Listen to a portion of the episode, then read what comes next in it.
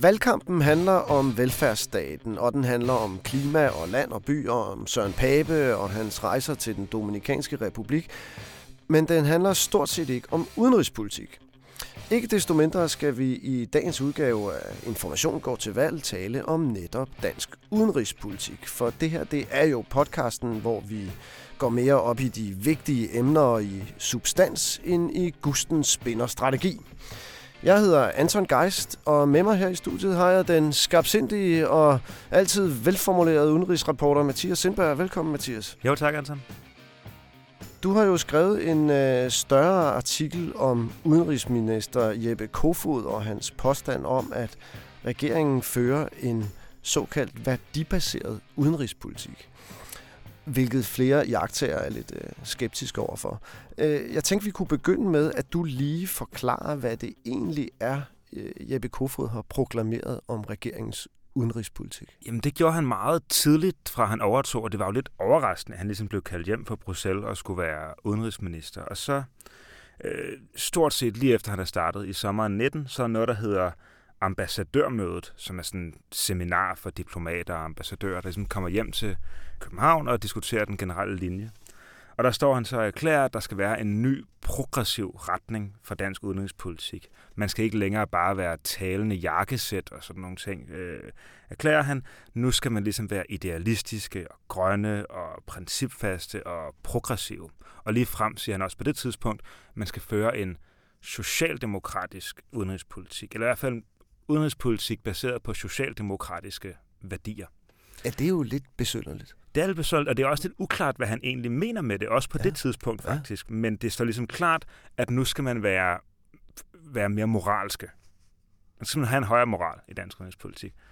Før vi øh, gik i studiet, så talte vi lige øh, om, hvad det hvad der kunne ligge bag, at han proklamerer det her med en socialdemokratisk udenrigspolitik. For det med en værdibaseret, det har vi sådan set hørt ja, før. det er ikke med i artiklen, men her i radioen kan vi så godt motivspekulere ja, jeg, en lille Du kom med, med lidt sjov motivspekulationer. Det synes ja, jeg da lige, vi skal øh, indvige lytterne i. Det er jo en kendt sag, at den daværende stabschef i statsministeriet, og så den øh, hvad skal man sige, kommunikationsnæster i Socialdemokratiet, ja. Martin Rossen, han havde et princip, eller sådan, ligesom ville have alle ministre til en form for mus-samtale, hvor de skulle redegøre for, hvordan de vil sætte socialdemokratiske aftryk i deres, på deres resortområde.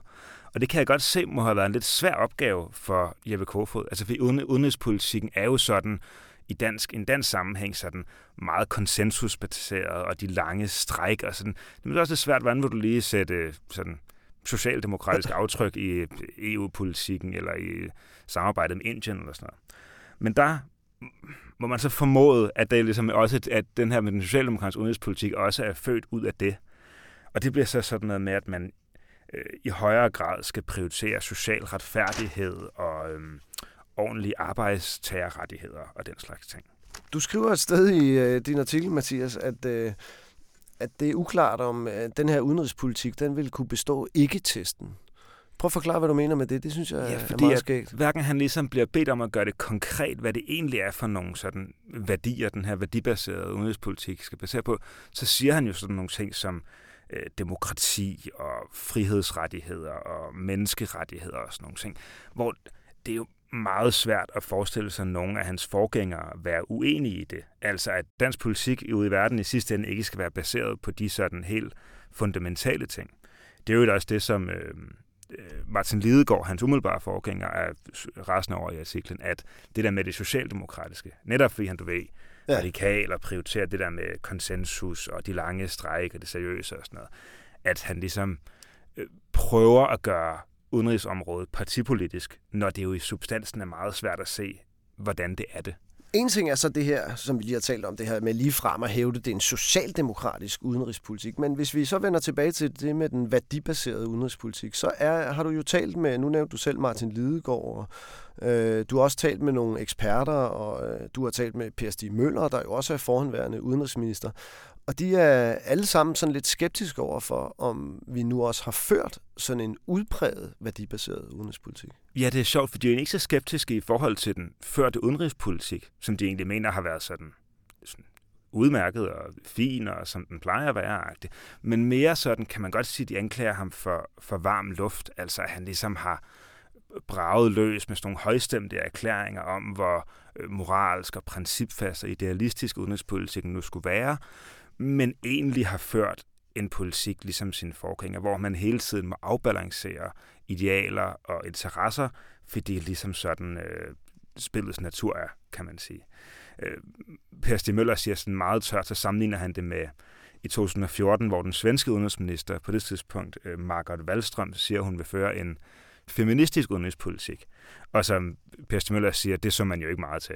Og det er det samme, han, øh, han mener med, med Kofods førte udenrigspolitik her. Og, og det er Per Stig, der, der så kommer med det her begreb øh, pragmatisk idealisme ikke? i artiklen. Altså han siger sådan, at at øh, det er selvfølgelig vigtigt at kende sine værdier, så man kan tage bestik af dem og i den bedste af alle verdener arbejde hen imod dem, men samtidig bliver man nødt til at anlægge en pragmatisk tilgang, hvor man også sådan beskytter danske interesser. Præcis, og, og det er både eksperterne og uden tidligere også enige om, at det har Jeppe Kofi jo rent faktisk også gjort.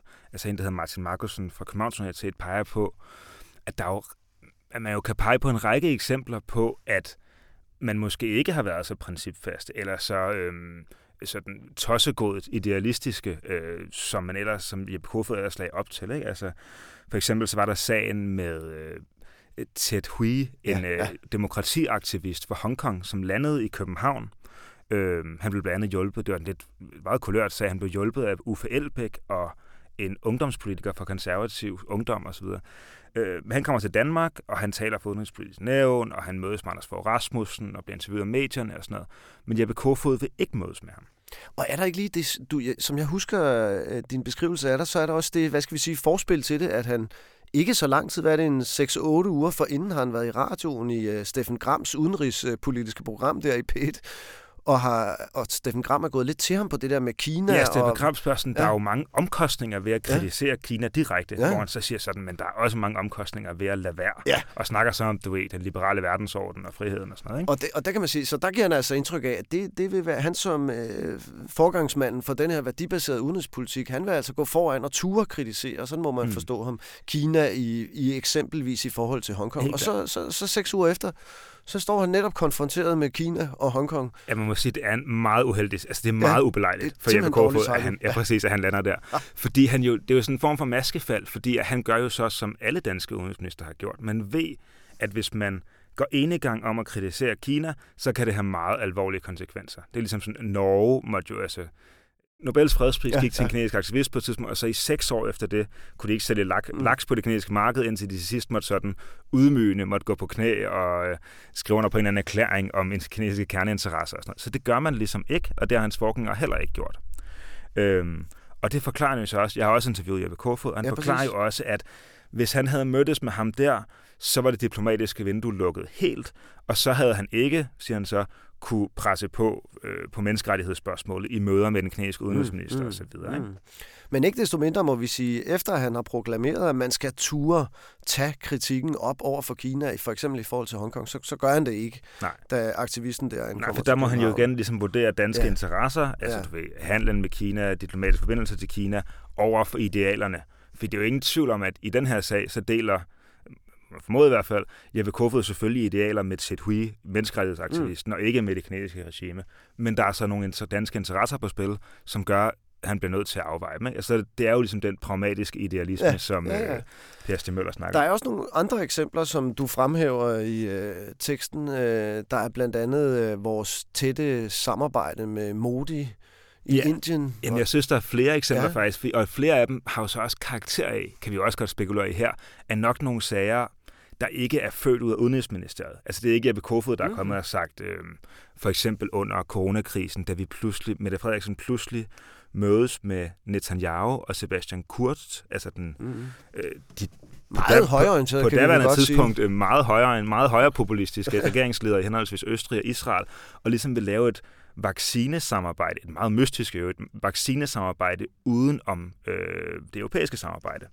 Øh, det er jo helt klart noget, altså en beslutning, der er truffet andet sted end på Jeppe Kofods kontor. Men ikke, det, ikke desto mindre er det jo dansk udenrigspolitik, som ser meget lidt idealistisk og meget egennyttigt ud. Altså, ja. det, er svært ikke at, det er svært at forstå som ja. andet end et forsøg på at rave flest mulige øh, vacciner til sig på et tidspunkt, hvor at alle, også i vores lille europæiske familie, har brug for vacciner. Ikke? Øhm, og man i øvrigt gør det på et tidspunkt, hvor øh, Netanyahu, en altså kan man godt kalde en småtotalitær, i hvert fald korrupt regeringsleder i Israel, øh, simpelthen fører valgkamp og kæmper for sit politiske liv. Og midt i den valgkamp stiller Mette Frederiksen så sin autoritet som øh, troværdig regeringsleder i Nordeuropa til rådighed for ham. Ja, og på et tidspunkt, hvor de europæiske lande gjorde rigtig meget ud af det, og det skulle være et fælles anlæggende, et fælles projekt, så så det jo noget uheldigt ud, at vi forsøgte at rave til os. Helt afgjort. Et andet eksempel er jo de her, hvad skal man sige, den løbende kurtisering af Rwanda, som ja. jeg gerne vil have til at tage imod øh, danske afviste asylansøgere, nej, bare danske, danske asylansøgere i det hele taget. Ikke?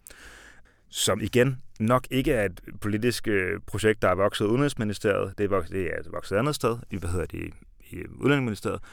Men ikke desto mindre er det jo dansk udenrigspolitik, som jo ikke igen ikke ser sådan meget idealistisk ud. Det er Ej, det, både et ret totalitært regime, og man kan diskutere sådan... Man må formode, at det vil også vil komme i clinch, i hvert fald gå til kanten af menneskerettighedserklæringer og konventionerne osv., hvis man rent faktisk realiserer det. Ikke?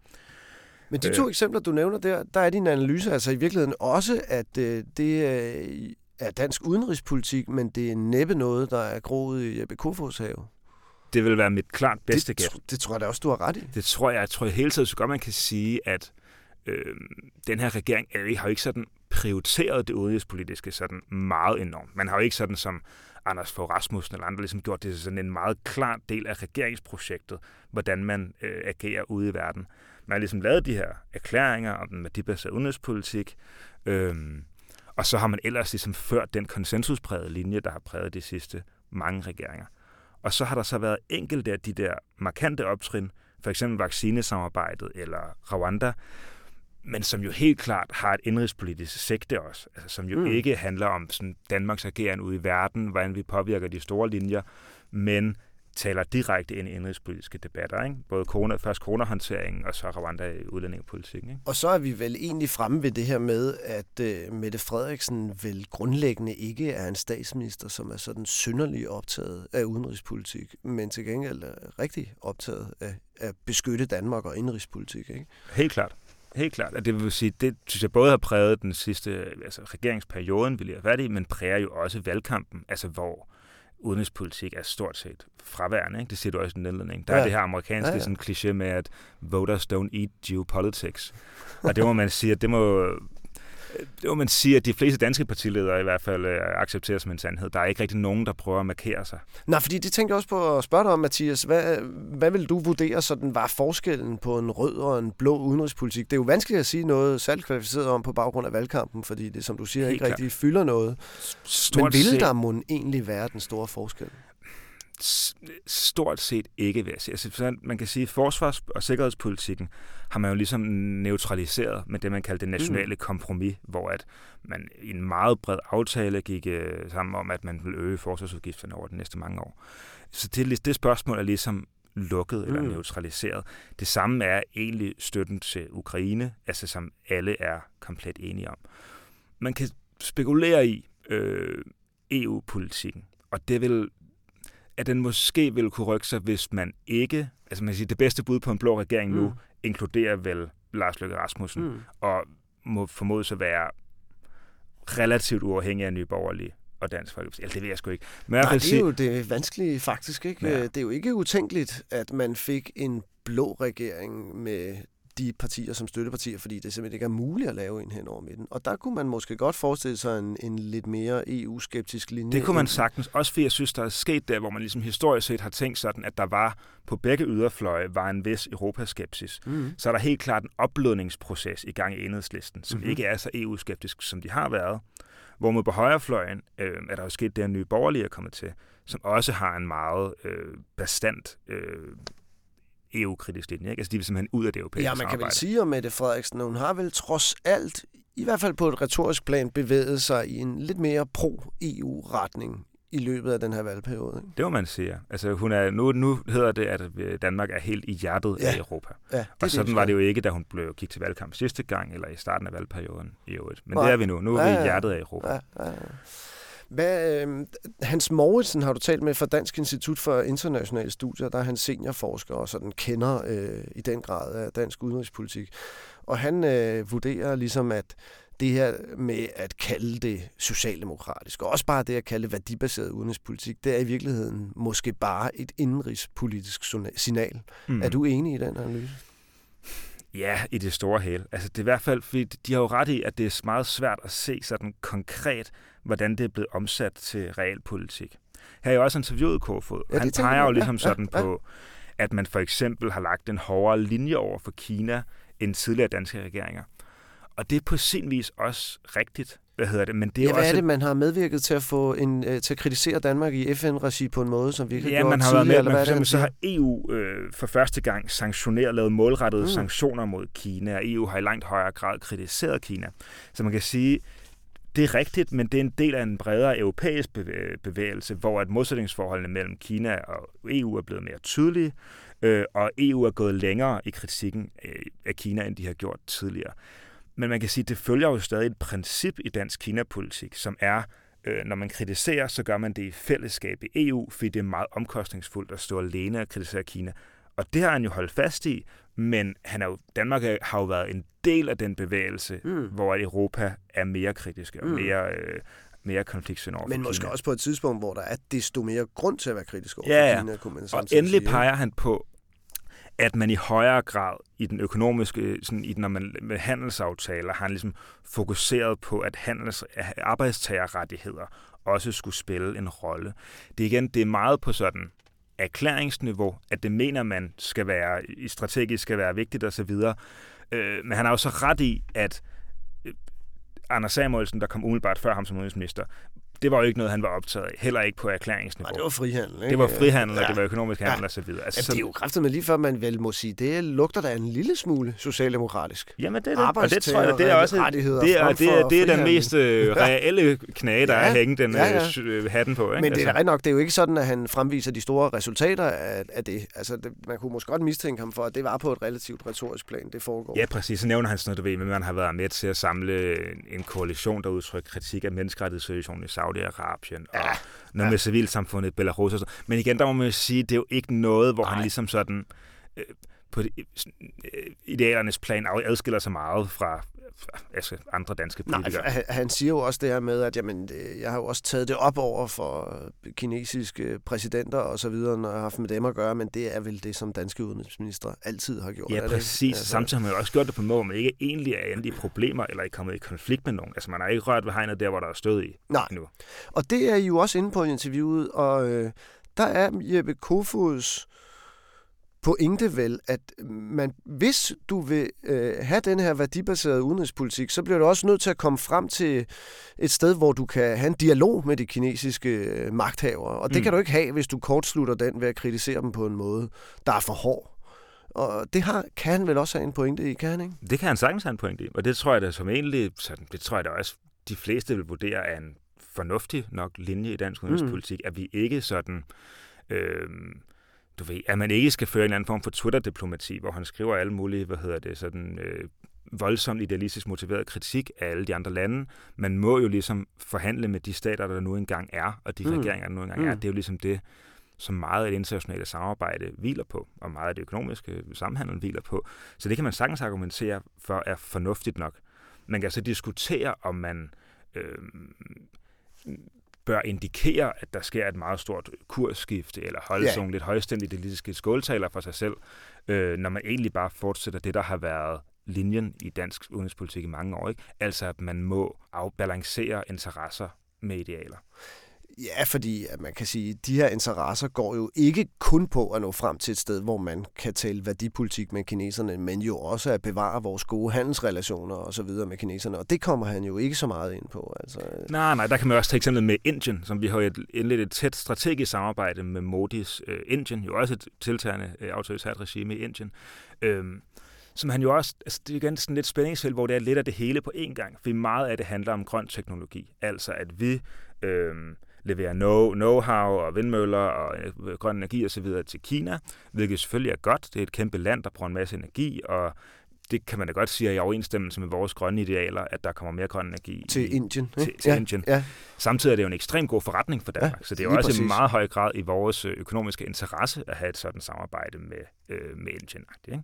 Det, det er jo lidt af det hele af en gang. Hvis man så anskuer det fra en anden vinkel, sådan, øh, du ved, ja, øh, det tiltagende sådan, øh, hvad skal man sige, det mere og mere totalitære i den indiske indrigspolitik, eller deres sådan lidt sparede position i Ukrainekrigen og sådan noget, mm-hmm. så ser det jo straks anderledes og mindre idealistisk ud, end hvis man kan fokusere på det rent grønne. Ikke? Fordi det er jo sådan, tit sådan, det er med udenrigspolitik. Det er jo sådan et miskmask af forskellige, af forskellige hensyn. Ja, så kan vi ikke sige, hvis vi skal konkludere her til sidst, Mathias, at øh, Jeppe Kofod og regeringen har vel i virkeligheden i store træk videreført den danske øh, delvist værdibaserede og delvist øh, interessevaretagende, pragmatiske udenrigspolitik, og så har han måske gjort et lige stort nok nummer ud af at brande det som meget værdibaseret. Jo, helt klart. Og så har han jo ligesom, i forhold til med den skarpe kritik af Kina, så er det vi også så er vi jo også et lille land, der bare følger, når der sker store geopolitiske forskydninger, så følger vi jo som regel med den